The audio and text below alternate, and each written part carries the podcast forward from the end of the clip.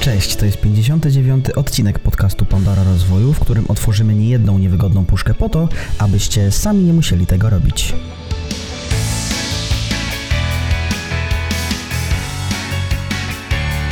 W dzisiejszym odcinku porozmawiamy o zmianach, jak adaptować się do nowych rzeczy, czy można pozbyć się lęku przed nowym i dlaczego Apple wyprzedziło Nokia o dwie dekady.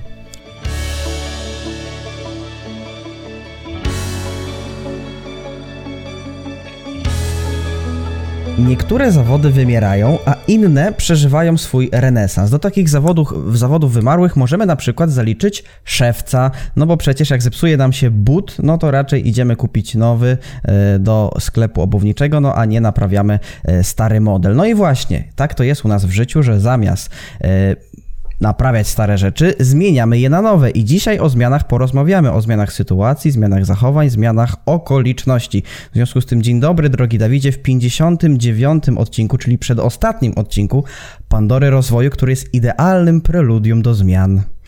Cześć, cześć Adrianie, witam i słuchaczy i naszych widzów. Bardzo się cieszę, że to już przedostatni odcinek tego sezonu, ale czy przedostatni w ogóle Pandory, to już rozwiniemy, że tak powiem, w ostatnim odcinku, więc zachęcamy już teraz, jeszcze nie przesłuchując tego odcinka w pełni, możesz już widzieć, że będzie na pewno następny, w którym uchylimy rąbka tajemnicy i na pewno zszokujemy troszeczkę świat, bo jak yy, ktoś kiedyś powiedział, że jedyną pewną rzeczą w życiu jest zmiana, w sensie poza podatkami i śmiercią, no to no tak pogadajmy dzisiaj o tym, czego ludzie nie lubią robić, bo generalnie ludzie nie lubią się zmieniać, nie lubią zmian, nie lubią wprowadzać. Znaczy mówią, że chcieliby coś zmienić, ale jak już przychodzi co do czego, to dość niechętnie do tego podchodzą, w związku z czym może dzisiaj otworzymy puszkę Pandory i podpowiemy, jak się za to zabrać, Albo jak się za to nie zabierać, albo kiedy warto zmieniać, albo kiedy nie warto nic zmieniać.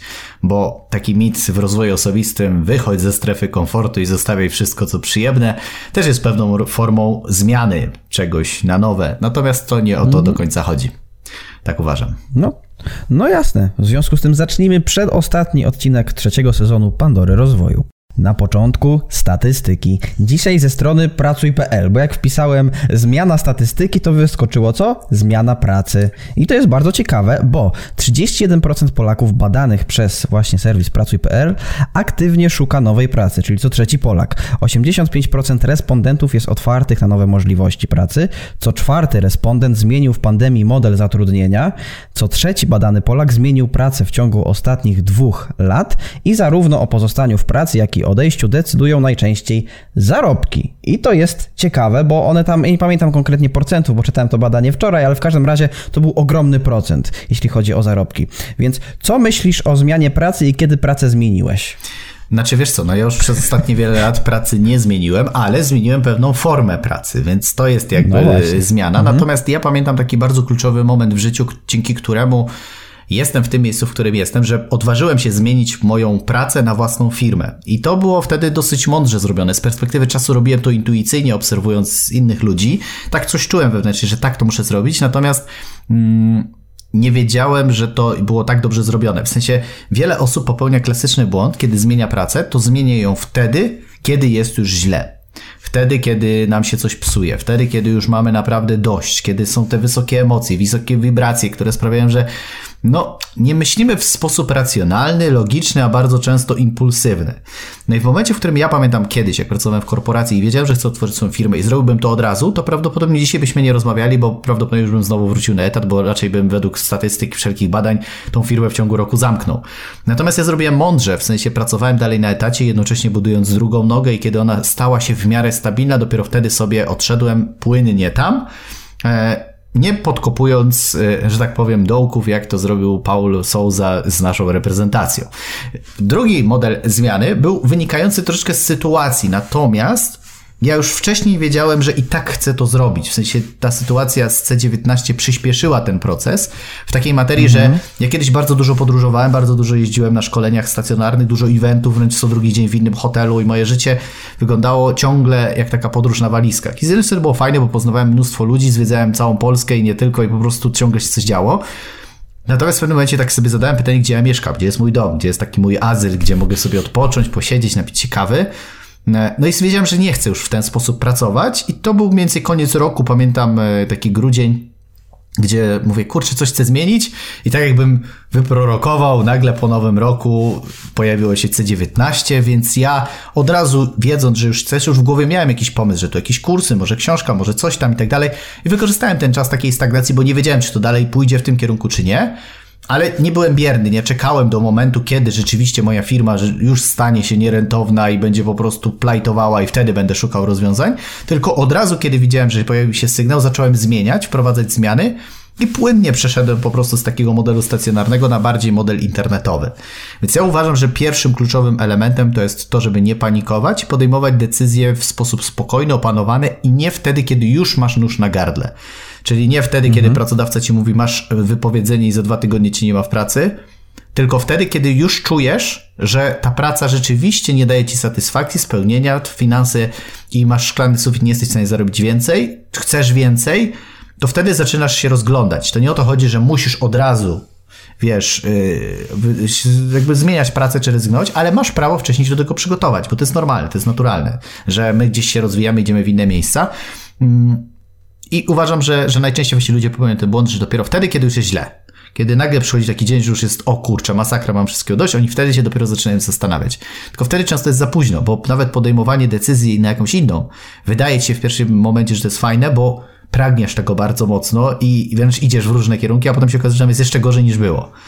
Wiesz, to, to, tak, to tak niestety jest, że ludzie czekają zawsze na ostatni moment. Taki już ostatni alert, ostatni dzwonek i dopiero wtedy. Tak samo z chorobami, ze zdrowiem, ze wszystkim, nie? Coś cię boli, a tam trochę boli. A nagle jak już się dzieje, że nagle ta choroba już ten, no nagle idą do lekarza, ale panie doktorze, panie pomóż. No czemu pan się nie zgłosił wcześniej? No bo ja myślałem, bo ciocia mówiła, że wystarczy polizać kontakt i pomachać prawą ręką przy zachodzie słońca i przejdzie, nie? Ale nie zadziałało. Mhm. No, no dziwnym trafem nie, panie doktorze. No i tak to niestety potem się odbywa, jeżeli chodzi o zmiany na ostatni moment. No tak, i skoro jesteśmy w temacie jeszcze firmy, to ja dopytam, bo chciałem troszkę inne tutaj, inną strunę uderzyć, ale uderzę właśnie w tę strunę. E, jak przygotować się na zmianę w firmie i kiedy jest ten czas na zmianę, bo przecież pamiętamy doskonale przykład potęgi komórkowego, czyli na przykład marki Nokia i e, wchodzącego, raczkującego dopiero Apple'a. No i co się okazało? Gdzie jest teraz Nokia, a gdzie jest teraz Apple, Apple? No i proszę mi powiedzieć, kiedy jest ten czas na zmianę w firmie? Znaczy wiesz co, wydaje mi się, że y, zmiany firmie są cały czas. W sensie to nie jest tak, że zmiana nadchodzi, tylko te zmiany cały czas się dzieją. Czyli generalnie żyjemy w takich czasach, gdzie tempo życia, zmiany, postrzeganiu Twojego produktu, potrzeb konsumenckich, marketingu, wszelkich form e, przetwarzania informacji, e, reklam, no wszystkiego, co się dzieje generalnie na świecie jest tak szybkie, że zmiany cały czas są. W sensie my powinniśmy coś planować i jednocześnie to realizować, ale już myśleć o czymś nowym. W takim sensie, żeby mhm. ciągle coś odświeżać, ciągle coś dodawać, ciągle nad tym pracować. Bo jeżeli myślisz, że stworzysz produkt, który przez kolejne 10 lat będzie się sam sprzedawał i on będzie działał tak, jak działał przez 10 lat, to jesteś naiwny, po prostu. To tak nie działa. I wielu ludzi myśli, że otwierało firmę, stworzyło jeden produkt, dlaczego po dwóch latach im nie idzie? No dlatego, że nie szukali w to miejsce czegoś nowego, nie ulepszali, nie dodawali. Czyli w momencie, kiedy wypuściłeś fajny produkt, który się sprzedaje, który działa, to pilnujemy i korzystamy z tego, żeby to fajnie szło, tak jak idzie, ulepszamy, poprawiamy w drobne, ale już szukamy, co w przyszłości moglibyśmy robić. Czyli właśnie kiedy jest ten, jak ja to mówię, hossa w biznesie, Mamy wtedy pieniądze, mamy komfort, możemy testować, możemy weryfikować, możemy szukać rozwiązań, coś wymyślimy, i w momencie, kiedy tamten produkt zacznie słabnąć, bo zawsze każdy produkt, każda branża ma jakiś swój cykl życia, jak ja to mówię, czyli rośnie, a potem spada, za jakiś czas może znowu się obudzić, to tak samo było z disco polo przecież. Kiedyś był wielki fame na disco polo w Polsce, potem przez wiele lat to opadło i w ogóle nikt nie słuchał disco polo, była cisza, tylko gdzieś tam wesele. No i znowu jest ten taki trend zwyżkowy, że znowu disco polo z disco polo i wszędzie koncerty i tak dalej, nie? Za jakiś czas Mam myślę, nadzieję, że... że już będzie tendencja zniżkowa. znaczy wiesz, no na pewno będzie jakiś moment znowu, że to spadnie na jakiś czas i potem znowu i to tak zawsze jest z różnymi rzeczami. Nawet jak wracamy do, powiem czy taki produkt w sklepie kiedyś było frugo. Był moment, no że to było na topie, potem znowu była cisza, tak. znowu wzrosło i znowu się pojawiło frugo i znowu ja nie widzę frugo. W takim sensie, że ono gdzieś jest, ale znowu spadło, tak? Więc to są takie mhm. momenty, gdzie, gdzie coś jest tak jak z Kevinem trochę. Na święta wszyscy o Kevinie, potem cały rok nie. W sensie musimy skumać, że nasz produkt jest sezonowy, że on nie będzie trwał wiecznie, to nie jest nieśmiertelność, jeżeli nawet wymyślimy coś genialnego. Tak właśnie było z Nokią, że oni w momencie, kiedy byli, jak ja mówię, trendsetterami, w sensie wymyślali nowe urządzenie, telefony, Nokia, wężyk, to wszystko klasyka gatunku, no to w tym momencie, kiedy Oni byli na topie, mieli szukać już alternatyw, wiesz, wyprzedzać zawsze konkurencję. Co może być dalej? Co może być dalej? I to jest według mnie ważne, że w firmie cały czas są zmiany. Jeżeli ktoś uważa, że firma to jest stabilność, bezpieczeństwo, komfort, nawet popatrzmy na firmę InPost, polski gigant, jakby nie było, mhm. nasz eksportowy nawet już produkt. E, tak. Wyobraź sobie, że oni też musieli ciągle walczyć, nie? Najpierw to były te blaszki do koperty, potem coś innego, potem coś innego i ciągle dodają. Jak nie paczkomaty, jak nie coś tam. Ciągle Teraz ulepszają. widziałem te pudełka zwrotne, nie wiem czy widziałeś. Tak, tak, wprowadzają ciągle nowe usługi. I teraz ktoś tak. powie, ale po co? Przecież zarabiają, przecież firma działa.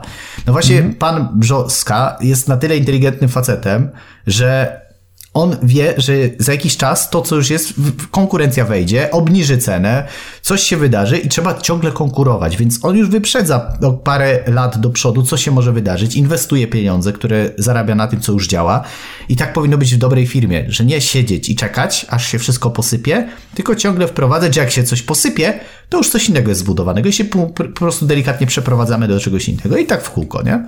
I ciągle mhm. gdzieś na czymś zarabiamy. W core naszej firmy, bo oczywiście może się to zmieniać bardziej tu, bardziej tu, ale w jakimś tam specyfice naszej branży.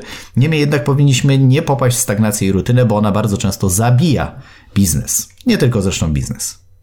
E, no i skoro jesteśmy w tym klimacie jeszcze biznesowym, to powiedz, kiedy firma musi grać zgodnie z regułami, które na rynku są, a kiedy może stać się takim trendsetterem, o którym właśnie wspomniałeś? Znaczy ja uważam, że zawsze jest warto szukać własnych idei, własnych jakichś pomysłów, które mogą zmienić branżę, natomiast jest to tyle trudniejsze, kiedy jesteśmy gdzieś na samym dole. Wiele osób, które jest na dole w branży, krzyczy, że oni wiedzą lepiej. No ale no kto słucha tych, którzy są na dole? No jest to brzydka prawda, ale tak jest. To jest tak jak, Plankton. wiesz, ty ty, nic w życiu na przykład nie zrobiłeś, nikt cię nie zna, a ty staniesz pod Sejmem mm. i mhm. będziesz krzyczał zmieńmy ustrój. No fajnie, pokrzycz sobie, masz do tego pełne prawo, ale myślisz, że ktoś tam u góry będzie zwracał na ciebie uwagę? No raczej nie. Ale no jeżeli byłbyś już wysoko postawionym politykiem, e, premierem, prezydentem, marszałkiem, no. E, senatorem, kimkolwiek i byś powiedział to w telewizji, to już by wywołało jakiś efekt. W sensie ktoś się wypowiedział, mm. media by się... Już byś miał, bo wszedłeś na jakiś poziom. Ja nie mówię, że senator czy ktoś jest wyżej, niżej w, w hierarchii, natomiast takie są zasady gry. No ale jest, no. Jest tak. I teraz tak. w momencie, w którym jesteś na samym dole, nie będziesz kreował zasad w branży. W branży kreuje zasady ten, kto jest na szczycie. I to jest brutalna prawda w biznesie i w życiu. I jeżeli tego nie rozumiesz, możesz z tym walczyć, ale będziesz ciągle walczył, ale nic nie zmienisz. Więc ja uważam, że najpierw trzeba się wdrapać na szczyt, udowodnić, że jest się dobrym według zasad, które panują, no bo trzeba się niestety dostosować do modelu gry, a dopiero potem ewentualnie próbować zmienić te zasady według siebie.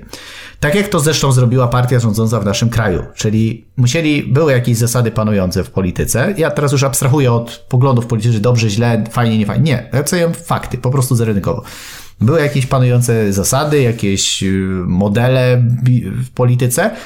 Musieli najpierw wygrać wybory. I to z dużą przewagą, żeby móc wejść, jak to mówię w cudzysłowie, na ten szczyt i potem wprowadzać swoje zmiany.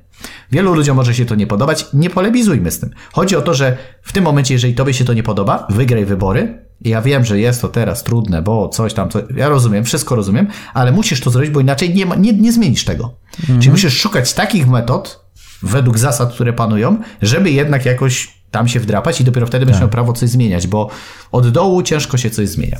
Bo ryba mhm. zawsze psuje się od głowy. Więc jeżeli się psuje, to trzeba wejść na głowę, jak ja to mówię w cudzysłowie, na sam szczyt, nie? Tak, tak. E, I za każdą firmą przecież stoi człowiek. Jest to prawda, jest to fakt. Nawet za wielką korporacją stoi człowiek. No a jak dobrze wiemy, rynek nie śpi, gospodarka nie śpi, pieniądz nie śpi, a przedsiębiorca spać musi. No i jak zrobić, żeby ten sen jego metaforyczny, ale też i dosłowny był spokojny i szczęśliwy? Znaczy wiesz co, no to jest bardzo trudne pytanie, bo powiedzieć taką, taki oksymoron, spokojny przedsiębiorca, to, to jakby powiedzieć mokra woda, wiesz, to, to, to znaczy sucha woda, no. Więc generalnie to jest takie, ciężko to tak porównać, w takim sensie, że mm, nie wiem, no ja y, dobrze śpię, bo raczej dbam o sen, natomiast y, bycie przedsiębiorcą to jest bycie 2-4 na H, to nie jest kwestia wyboru na zasadzie, ja wiem, że fajnie się mówi work-life balance i tak dalej, ale każdy przedsiębiorca, ci pewnie, którzy mnie słuchają i oglądają, to zapewne wiedzą, że prowadzenie biznesu to nie jest tylko i wyłącznie poniedziałek, piątek, dziewiąta, szesnasta, wypad i koniec, tylko siedzisz wieczorami, siedzisz w nocy, siedzisz w weekendy, siedzisz w święta i też myślisz. Co się niekoniecznie musisz pracować przy biurku klikając, ale ciągle jesteś w tej firmie, żyjesz tym, bo firma jest tobą tak naprawdę. E, więc ja przede wszystkim mm, nauczyłbym siebie wpisywać sobie w kalendarz takich momentów odpoczynku, takiego chilloutu, bo jeżeli się wypalisz, to potem jest ciężko wprowadzać zmiany, o których mówimy, no bo potem możesz być już tak przygnieciony tymi wszystkimi różnymi sprawami, że nie widzisz tych takich jak ja mówię, złotych gwiazdek, które pokazują ci, w którym kierunku mogą podążać trzej królowie, żeby odkryć coś pięknego, nowego, prawda? I bo jesteś tak zasypany, po prostu jakbyś miał chmury, które zasłaniają ci całkowicie widoczność na gwiazdy, które mogą ci pokazać kierunek. E, więc jednak ja uważam, że ten spokojny sen jest o tyle, o tyle istotny, że ja kiedyś w ogóle nie spałem, w sensie spałem bardzo mało, po dwie godziny, i nauczyłem się, wyrobiłem sobie taki nawyk, żeby jednak normalnie się wysypiać, odpoczywać, bo wtedy z tą chłodniejszą głową, taką zregenerowaną, dużo łatwiej nam jest podejmować te decyzje biznesowe, szczególnie te, które wymagają jakichś zmian, wprowadzenia czegoś nowego e, w biznesie. Ale spałeś dwie godziny, bo hastlowałeś, czy z nerwów, czy jak to Hastlowałem i z nerwów i ze wszystkiego. Po prostu nie potrafiłem Aha, okay. spać. Zresztą Aha. ja mam tak, jak na przykład już podejmuję jakieś większe zmiany, to też mniej śpię, chociaż ostatnio też wprowadzam dużo zmian, a jednak dobrze śpię, więc w sensie uważam, że to kwestia już potem doświadczenia biznesowego. To jest tak, który jest zawodnik, nie? W piłce nożnej. Jak grasz pierwszy ważny mecz, to północy nie śpisz, bo ci zależy. Jak już jesteś Ronaldo czy, czy Messi, stresujesz się, ale jednak już wiesz na co cię stać. Jesteś w stanie przewidzieć pewne e, rzeczy już wynikające z twojego doświadczenia, nie? A czy ten sen u przedsiębiorcy nie jest na przykład skorelowany ze stanem konta, bo wiesz, że możesz sobie pozwolić na więcej? Znaczy, oczywiście, że tak, więc ja uważam, że każdy przedsiębiorca powinien zawsze mieć jakąś poduszkę finansową. Na zasadzie, że jak przyjdzie moment, w którym już nie masz energii, to możesz sobie pozwolić nawet dwa miesiące nie pracować, w takim sensie nie, że nic nie robić, ale po prostu utrzymywać ją na takim, jak ja mówię, pod respiratorem, żeby ona sobie po prostu żyła, e, żeby po prostu przeżyć e, i potem po prostu ją reanimować i, i na nowo iść z nową energią. A często jest tak, że wielu przedsiębiorców żyje z dnia na dzień, czyli wiesz, dzisiaj nie ma pieniędzy, a jutro na przykład już trzeba faktury opłacić. Mówi, ale dobra, coś dzisiaj wymyślę, wiesz o co chodzi. I potem jest mhm. taki E, tak po prostu potem człowiek jakby, nie wiem, miesza się, jest zestresowany, nie ma pomysłów. Często właśnie firmy szybko na takich poziomach plajtują. Więc według mnie e, spokojny sen jest skorelowany na tyle, ile zarabiamy, więc te dochody trzeba ciągle zwiększać, ale z drugiej strony pamiętać o tym, żeby nie przeinwestować i nie wprowadzać zbyt dużych zmian, które nie są też konieczne w danym etapie. Mhm. I skoro jesteśmy przy dochodach, przy zmianach, przy przedsiębiorcach, no to muszę zapytać o to pytanie, muszę zadać to pytanie. O to zapytać, zapytać to pytanie. pytanie. tak. E, co się dzieje w chwili, gdy nagle otrzymujesz ogromny zastrzyk gotówki? Ja takiej sytuacji jeszcze w życiu nie miałem, żebym zarobił na przykład, nie wiem, 50 tysięcy Teraz nie wiem, powiedzieć dobrze czy źle. Ale nie, chodzi mi o to, że e, co wtedy się czuje to po pierwsze i po drugie, co zrobić, żeby te pieniądze nie rozpłynęły się niczym łzy po Titaniku. Znaczy wiesz co, no pytanie, co znaczy dla kogoś duża gotówka, bo dla niektórego, dla niektórego no tak, za 5 tak. tysięcy będzie dużo, dla niektórych 50, dla niektórych milion.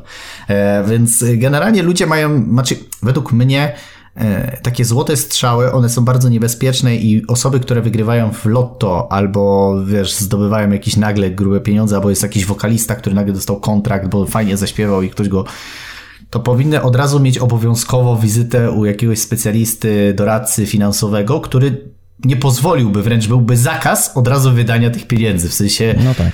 w sensie my, nie, my nie jesteśmy gotowi mentalnie. Tak jak na przykład, nie wiem, nastolatek nie jest gotowy mentalnie do wychowywania na przykład dziecka, bo sam jest mhm. jeszcze mentalnie dzieckiem. Tak samo my nie jesteśmy gotowi do wydawania pieniędzy, jeżeli mamy ich za dużo. E, I wiele nawet są takie statystyki, że ludzie w większości, którzy wygrywają duże pieniądze, wylądują nawet nie w tym samym miejscu, w którym byli przed wygraną, ale nawet dużo niżej.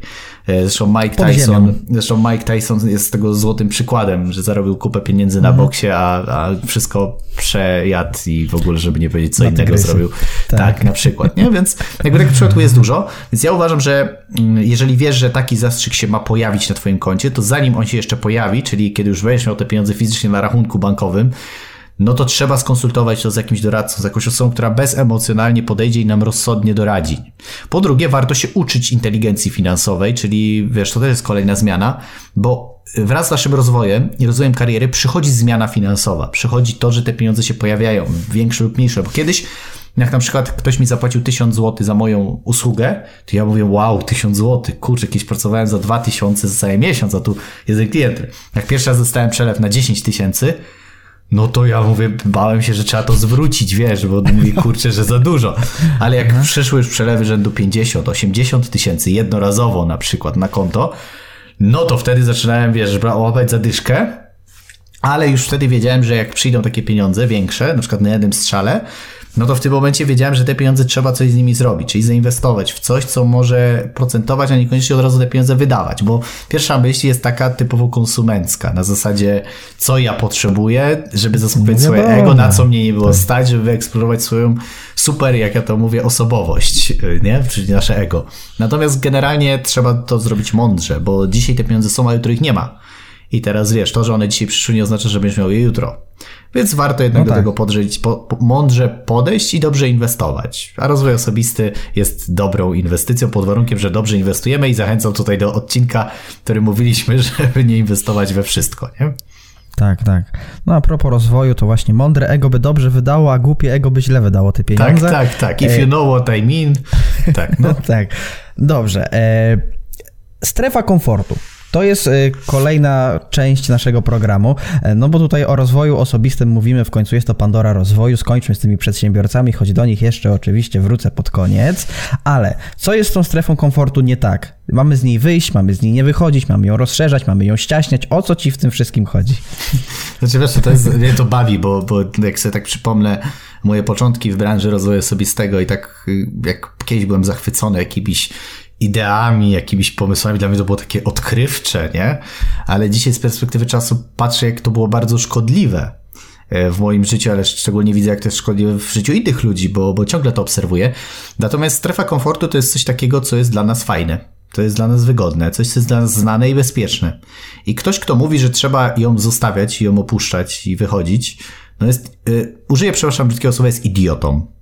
Pierwszy raz użyję takiego bardzo dosadnego określenia, więc jeżeli ktoś z Twoich mentorów, trenerów mówi, musisz wychodzić, ciągle opuszczać swoją strefę komfortu, to możesz mu powiedzieć, Dawid Świstek uważa, że jesteś idiotą. I wejdę z nim w polemikę i mu udowodnię, dlaczego jest idiotą.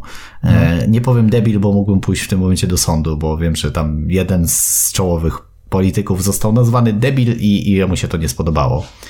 A było tak. Było. Teraz no więc generalnie tak. jakby chodzi o to, że ze strefą komfortu jest tak, że my ją możemy co najwyżej poszerzać.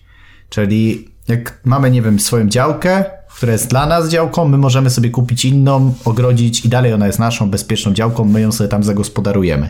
I teraz fajnie jest co jakiś czas zrobić coś nowego, coś innego, ale nie tak, żeby całkowicie opuścić naszą strefę komfortu i wyjść z niej i po prostu być na tym mrozie, żeby nam było niewygodnie, ale od czasu do czasu po prostu ją delikatnie sobie poszerzyć, zrobić coś nowego, coś więcej, coś dłużej, coś fajniej, coś w innym miejscu, ale cały czas zachowując z tyłu to nasze poczucie bezpieczeństwa, które jest dla nas istotne w egzystencjonalizmie, w sensie takim jakimś codziennym. No bo słuchaj, no jeżeli ja bym nie miał poczucia bezpieczeństwa w życiu, no to ten stres, to wszystko, to bym mogło mnie szybciej zakopać niż siedzenie w tym, wiesz.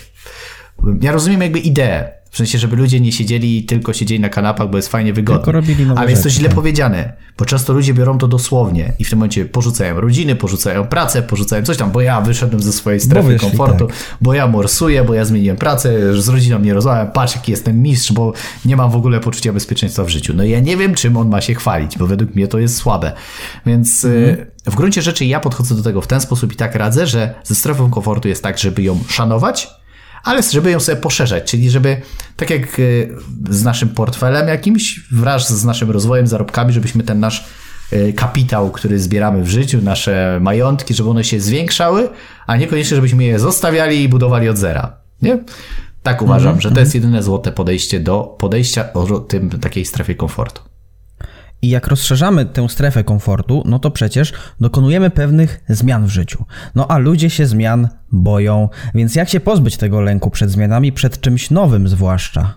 Wydaje mi się, że nie da się tego pozbyć w całkowicie, bo zawsze będzie lęk. To jest kwestia umiejętności konfrontacji z tym lękiem i nazwania go w odpowiedni sposób. Bo jeżeli robisz coś nowego, no to idiotyzmem by było się tego nie bać, no bo mózg tak działa. No jeżeli nie wiesz, co się może wydarzyć, no to dziwne, żebyś czuł pewność siebie i spokój i opanowanie.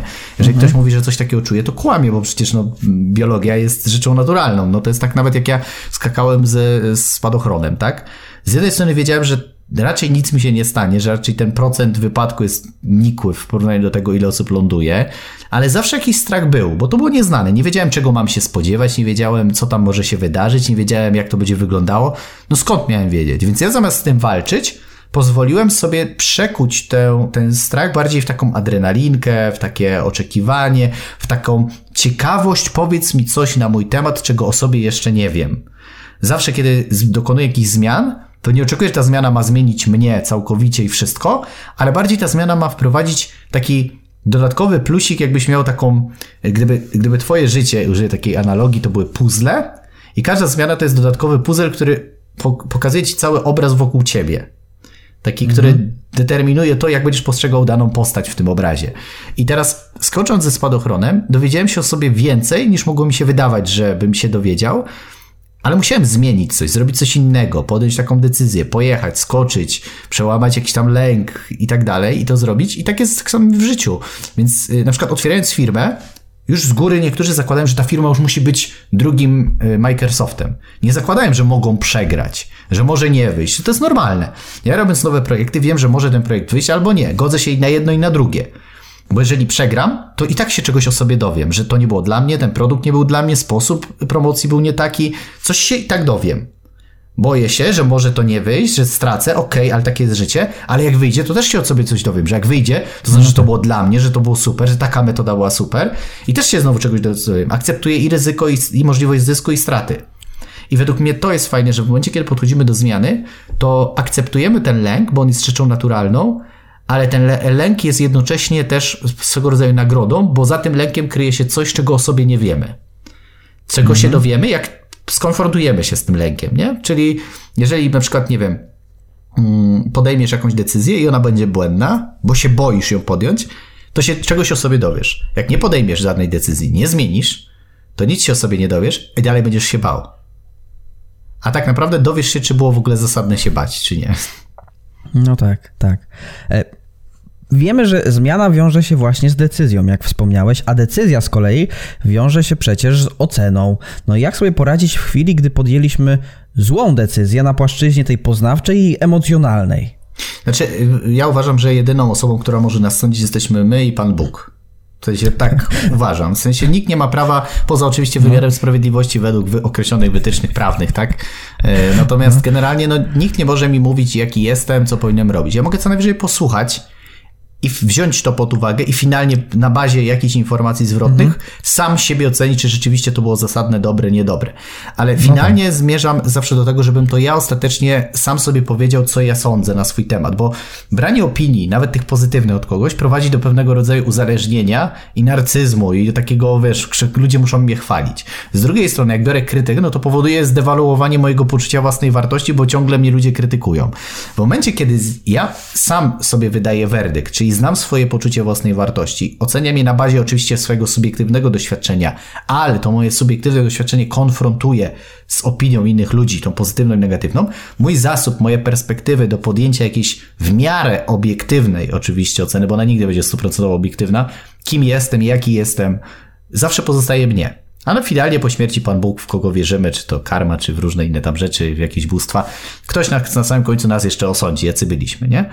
Ale tak naprawdę każdy postrzega świat w tak zupełnie różny sposób, że twoje zdanie na mój temat, czy y, Krystynki, czy pani Halinki, tak naprawdę to mogę robić dokładnie to samo. Będziecie patrzeć w trzy osoby i każdy będzie oceniał inaczej. Wystarczy popatrzeć nawet na, nie wiem, zawody w skokach narciarskich. Tam nie ma jednego sędziego, tam jest czterech sędziów, czy pięciu nawet. Skoczy skoczek, jest ten sam skok, a każdy ocenia go inaczej. No to mhm. skoro w sportach, gdzie wytyczne do oceny są tak w miarę jasne i klarowne, gdzie wiesz, jest jakaś pozycja, jakieś tempo, jakiś wszystko, wiesz co masz ocenić. Wszyscy oceniają według tych samych miar, a i tak oceniamy różnie. No to dlaczego my w życiu pozwalamy innym ludziom, gdzie nie ma żadnych wytycznych, jak oceniać człowieka, gdzie jest jakiś idealny twór, a kto jest nieidealny, pozwalamy, żeby to ludzie nas oceniali. I to jeszcze często bierzemy pod uwagę, bo jedna osoba to powiedziała. Gdzie pięć innych osób oceniłoby to zupełnie inaczej. Więc fajnie, to nie jest tak, że mamy się odcinać od zewnętrznego świata. My powinniśmy brać i te fajne, i te złe rzeczy, które o nas mówią, ale to my powinniśmy być sami sędziami dla siebie i finalnie oceniać to, kim jesteśmy przez tego, w co wierzymy, jakie są nasze wartości, e, za kogo my się uważamy, czy to jest z nami spójne, czy, czy tak uważaliśmy i czuliśmy, że powinniśmy zrobić. Też a propos skoków narciarskich, ja jestem zdumiony, że dopiero teraz, w roku 2022, e, zostanie wprowadzony system monitoringu, bo wcześniej stali ludzie koło tego i patrzyli, ile skoczył skoczek. Słyszałeś o tym, czy nie? Nie.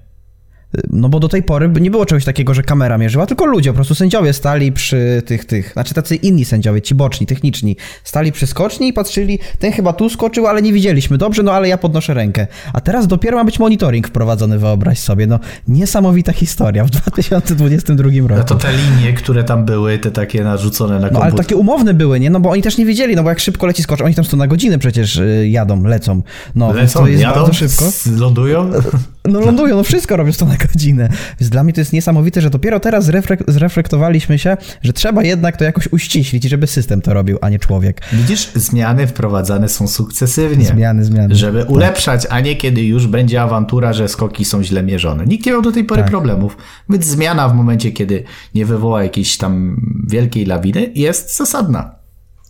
No dobrze, ja do sportu przejdę jeszcze później, ale chcę w tym momencie, e, z tej racji, że mamy e, dzień jaki mamy, czyli 9 lutego, no i za kilka dni, a dokładnie za dni 5, jeśli dobrze liczę, mamy walentynki, a to się wiąże z tym, że ludzie będą się kochać, będą się nienawidzić, a inni powiedzą, że są singlami i nie będą obchodzić walentynek i muszą to wszystkim ogłosić na Facebooku, bo to jest tak ważna informacja.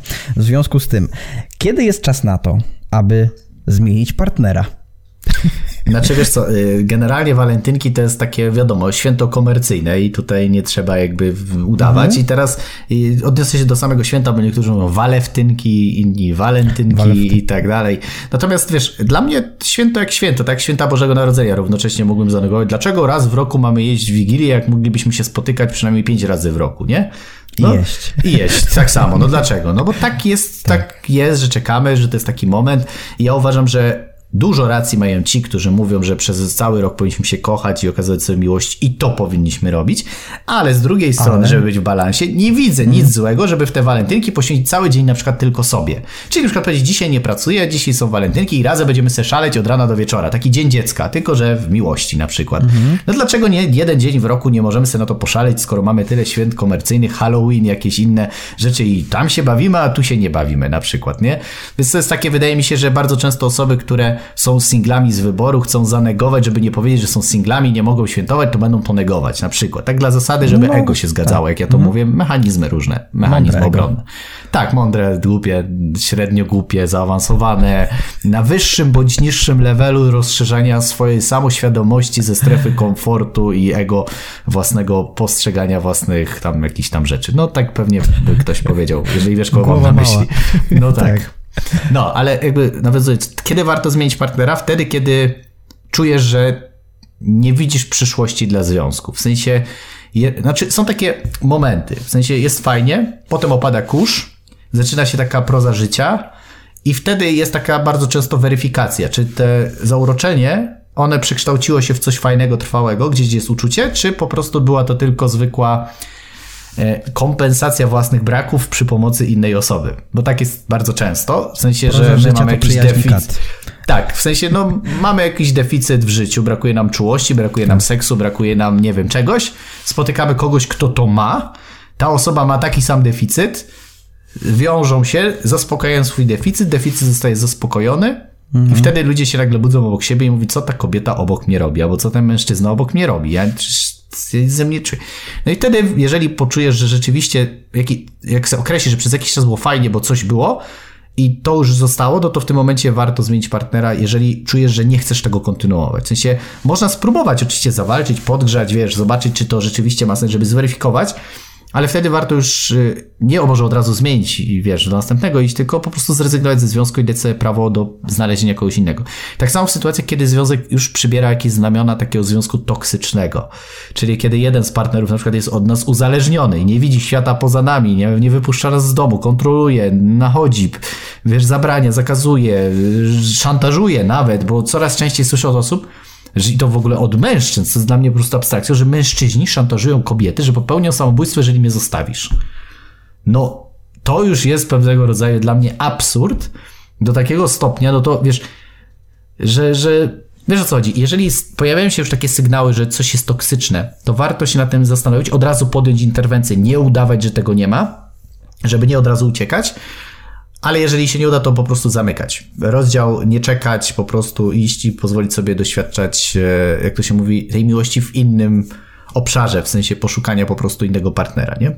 E, więc nie ma takiego idealnego momentu, natomiast to my powinniśmy czuć, czy to, co, znaczy trzymanie związku na siłę, bez frajdy, bez fanu, bez miłości, bez wsparcia, poczucia jakiegoś takiego bezpieczeństwa, jest bez sensu, nie? Ja nie mówię, że, te, że miłość, bo, bo już dawno y, rozebrałem do naga ten temat na TikToku, wiesz, miłość na zasadzie y, hollywoodzki film pod tytułem, wiesz, wszystko jest zawsze cukierkowe, idealne i perfekcyjne i zawsze to kobieta jest zła, mężczyzna nie, wiesz, i tak dalej, no już dawno jest przeze mnie obalony, bo to jest życie, no po prostu, to są pewna gospodarka hormonalna i jeżeli my o to w pewien sposób nie dbamy, nie mamy zrozumienia, czyli z jednej strony kobiety nie rozumieją, jak mhm.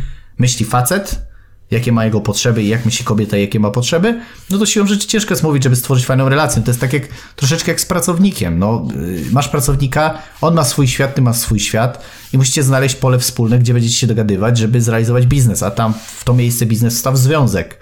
Każdy z was ma też swój świat i partner i ten, więc jeżeli któryś świat zaczyna zjadać inny świat, no to też już jest niedobrze, nie? Bo każdy ma prawo też mieć jakąś tam przestrzeń dla siebie i przestrzeń wspólną, gdzie jest związek, rodzina i tak dalej.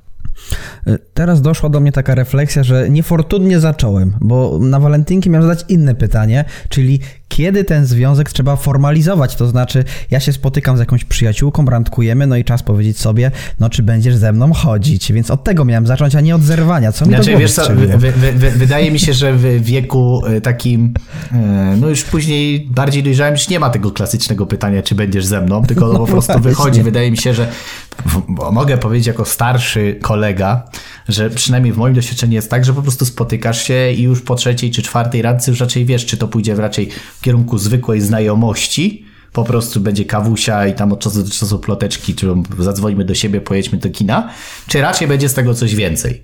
Po czwartym, piątym. No jak widzisz, że po piątym spotkaniu raczej nasze, wiesz, energie idą, jak ja to mówię, w tym drugim kierunku, to już raczej wiemy, że jesteśmy ze sobą, jeszcze nie tak oficjalnie, że wszystkim mówimy, bo jeszcze dwie strony się sprawdzają, czy aby na pewno, wiesz, a potem jak już rzeczywiście fajnie, to zaczynają się te pierwsze takie, ja nie mówię oficjalne wszystkie, ale taki wzajemny test. To co, może pojedziemy do moich znajomych? I wiesz, jak to są? Pewnie, chodź, pojedźmy. Czyli ona chce się pokazać przy tobie razem z innymi, to znaczy, że już daje ci wyraźny sygnał, jesteśmy razem, bo się nie wstydzę. Jakby powiedziała, nie, no może lepiej nie, to znaczy, że chyba jeszcze nie bardzo, nie? Więc wydaje mi się, że takimi sytuacjami bardziej się pokazuje. Na przykład pojedźmy do mojej rodziny, albo spędźmy razem weekend i wrzucimy zdjęcie na Facebooku, że spędzamy razem weekend. To są takie momenty, kiedy oficjalnie mówisz, tak, jesteśmy razem. Do momentu, kiedy mhm. wszystko jest takie w ukryciu, nikt nic nie wie, no to jeszcze wtedy e, się chowamy. A, no to to musiałem się poradzić, bo ja prawie 8 lat już nie randkowałem, to ja nie pamiętam, jak to się robi. Ale to dobrze, to dobrze. Dziękuję bardzo za poradę. E, no i y, muszę zadać to pytanie. Zmiany są nie tylko w życiu, są nie tylko w biznesie, zmiany są także w sporcie.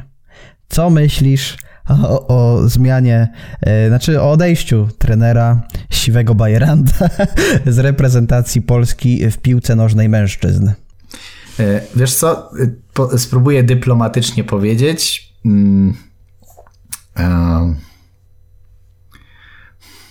Panie Kulesza, mam nadzieję, że, e, że do końca z nim było. Do końca z nim. Tak, jak to powiedział Borek. Znaczy w sensie, no ja się czuję zawiedziony, no co będę mówił jako kibic, jako patriota sportowy, bo jestem strasznie sportowym patriotą, w sensie wszelkie reprezentacje we wszystkich sportach są dla mnie bardzo ważne i olimpijczyków i wszystkich wspieram i jak widzę, że przyjeżdża jakiś siwy bajerant i po prostu robi sobie takie cyrki jaja z naszej narodowej drużyny, no to po prostu, wiesz, ja rozumiem klub, kiedy to jest pracodawca, tam drużyny, wiesz, klubowe, to jest troszkę też inaczej, ale mówimy o reprezentacji kraju. To jest, mm -hmm. wiesz, jakby to jest coś, coś innego dla trenera, y, bo to już wiele, wiele osób powiedziało, dla trenera w każdej dyscyplinie sportowej, trenowanie jakiejkolwiek reprezentacji czyjegoś kraju powinno być dużo bardziej ważniejsze niż trenowanie klubu. Ja wiem, że często pod względem finansowym w klubie płacą więcej, masz większe możliwości, przynosi to większe, jak mówię, laury. Natomiast dla trenera trenowanie kraju, no bo gdybym ja został jakimś trenerem, nie wiem, nawet Burkina Faso załóżmy, to czułbym się, że ja jakby opiekuję się drużyną całego kraju, a nie jakieś tam, jakiegoś miasta czy czegoś, wiesz, jakiś klub po prostu, tak? Jak wiem, że to jest ważne, ale tak się po prostu nie robi. Wydaje mi się, że, że no gdzieś ten krogosłup moralny u tego człowieka jest, albo go w ogóle nie ma. Bo, bo wiesz, no ja rozumiem pieniądze. Rozumiem, że ktoś jakby chce zmienić, w sensie, że wiesz, że chce pójść w inne miejsce, ma większe pieniądze, ma większe możliwości, bo z nami tyle nie ugra, wszystko rozumiem. Jakby to jest dla mnie, nie trzeba mi tego tłumaczyć. Dla mnie jakby to, żeby powiedział, że chce odejść po prostu z kadry, e, bo widzi inne możliwości, tu nie widzi. Szczerość, dziękuję, jak najbardziej, rozstańmy się i szukaj swoich możliwości gdzie indziej. Ale sposób, w jaki się to robi, już często determinuje po prostu potem to, jak my tego człowieka zapamiętamy, a my Polacy jesteśmy bardzo pamiętliwym narodem, więc wydaje mi się, że pan e, Paul Souza będzie miał do końca życia taką, jak ja to mówię, taki delikatny krzyż na plecu, na plecach, który będzie napisany Polska. Więc tak. na wakacje raczej po nakrupówki nie przyleci, Wydaje mi się, że raczej nad Bałtykiem poleci. do Fatimy albo do Mielna też nie pojedzie, bo wydaje mi się, że, że raczej tutaj go gorąco przywitać nie będziemy, chociaż jak poleci w inne miejsce na świecie i tam będą polscy turyści na all inclusive w tym samym hotelu co Paul też za, z, domniemam, że raczej będzie musiał mieć ba basen na wyłączność, bo będą ludzie mu raczej do końca życia dawali psztyczki i mam nadzieję, że będzie to za nim chodziło. W takim sensie, że to zachowanie już, y, z tego co wiem, obiło się gdzieś i w Portugalii, i w Brazylii, że już o tym mówi, że tak zrobił i że to będzie ten trener, który będzie kojarzony z takim, że potrafi uciec z dnia na dzień, nie? Mhm. Więc, więc wydaje mi się, że jakby rozumiem intencje, y, nie chcę mówić, że robił źle dla siebie, bo zrobił dobrze, zawsze tak jest, Natomiast sposób wykonania mógł zrobić to dużo bardziej dżentelmeńsko, tak jak dżentelmeńsko zachował się na każdej konferencji prasowej. Dziękuję za, pan, za Pana pytanie. Jan Paweł II i te sprawy i tak dalej. Bardzo taki dżentelmen. A finalnie wyszedł, że to był zwykły bajerant po prostu i już. No tak, także panie Pawle Sousa, proszę uważać. Ale od, dobrze, od, bycia, no. od bycia siwym do bycia łysym naprawdę to jest krótka droga, więc no. No ja zaraz będę siwy, ty już jesteś yy, niewłochaty. nie trzeba teraz ładnie mówić. No dobrze, yy, to chyba przejdziemy teraz do maila, co? Bo tak ładnie nam się tutaj w klamę to wszystko ułożyło. Jakoś mi się smutno zrobiło, kiedy zaczęliśmy mówić o tym, o tym trenerze i ja nie wiem, jakieś takie czuję teraz rozgoryczenie w sobie. Zmiana. Zmiana, wiesz, szkoda, że w naszej kadrze te zmiany tak często przychodzą. Najbardziej podobały mi się te memy Brzęczka, nie? Jeszcze za mną zatęsknicie. Mówiłem ci, tak, będziesz prosił na kolanach, żeby tak, wrócił. Tak, tak, tak, wiesz, fajnie, fajnie to było zrobione. E, to cóż, przejdźmy do, może do maila, Dobrze. rzeczywiście. E, dzisiaj Aga napisała, hej, oglądałam ostatni odcinek podcastu, w którym mówiliście o Squid Game, czyli to ten serial, to chyba w ogóle z drugiego sezonu było e, czy z trzeciego, był doskonałą reklamą serialu i zaraz po obejrzeniu podcastu odpaliłam Squid Game na Netflixie. Czy mamy tam jakiś link referencyjny? Był podany, czy coś? Mamy był, jakieś, był, jakieś był. pieniądze? Cieszę się, że wpadłam na wasz podcast, bo prawdopodobnie nigdy bym nie obejrzała sama tego serialu. Jakoś mnie nie zachęcał wcześniej, miałem obawy co do niego, ale tak wiele osób chwali, zapala się u mnie lampka, że trzeba być ostrożną. Nie zadowolę się, bo bardzo mi się podobał. Możecie jakieś inne seriale lub filmy do polecenia. Nie, żeby Pandora zmieniała się we vlog filmowy, ale lubię posłuchać inspiracji u innych. Do zobaczenia w odcinku. O, czyli wiedziała, że się zobaczymy w odcinku. Popatrz, jak to po prostu tak jakoś... Zawsze wybieraliśmy jakieś takie rozwojowe, więc o serialach też możemy sobie porozmawiać, prawda? prawda? Więc ja bardzo lubię Netflixa, w sensie nie samego Netflixa w sobie, ale lubię po prostu go za to, że jest dużo filmów takich dokumentalnych. W sensie, no niektóre paradokumentalne, biograficzne. Jest dużo takich filmów, które rzeczywiście mm, coś zmieniają. Wiem, że teraz na Netflixie dużo filmów zostało usuniętych, bo to się zmienia, jakieś tam prawa, nieprawa. Bo na przykład kiedyś była taka, taki serial o, czy film o diecie ketogenicznej, Nazywa mhm. się chyba Złota Pigułka, albo Magiczna Pigułka, albo no. coś takiego. I teraz tego nie ma na przykład na Netflixie, a to bym polecił. Gdzieś to trzeba szukać w internecie.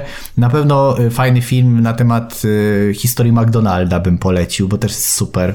E, bardzo fajnie pokazany film, jak to tam się działo, jak ich tam ładnie tych właścicieli tam gość mhm. E, ogarnął.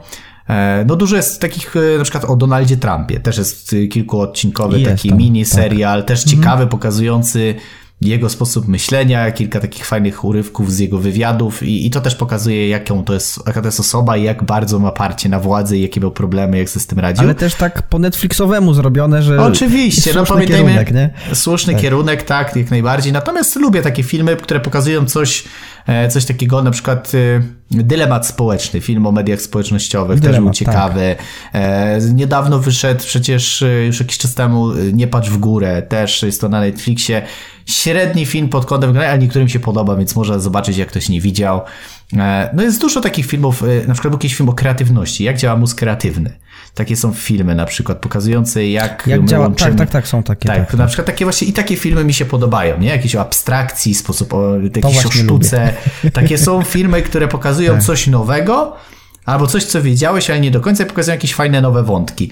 I to są takie fajne seriale, niedokumentalne w stylu Krystyny Czubównej, ale fajne takie naukowe, ale w taki luźny sposób pokazane bardzo często. Na przykład fajny film, nie wiem czy widziałeś, o minimalizmie.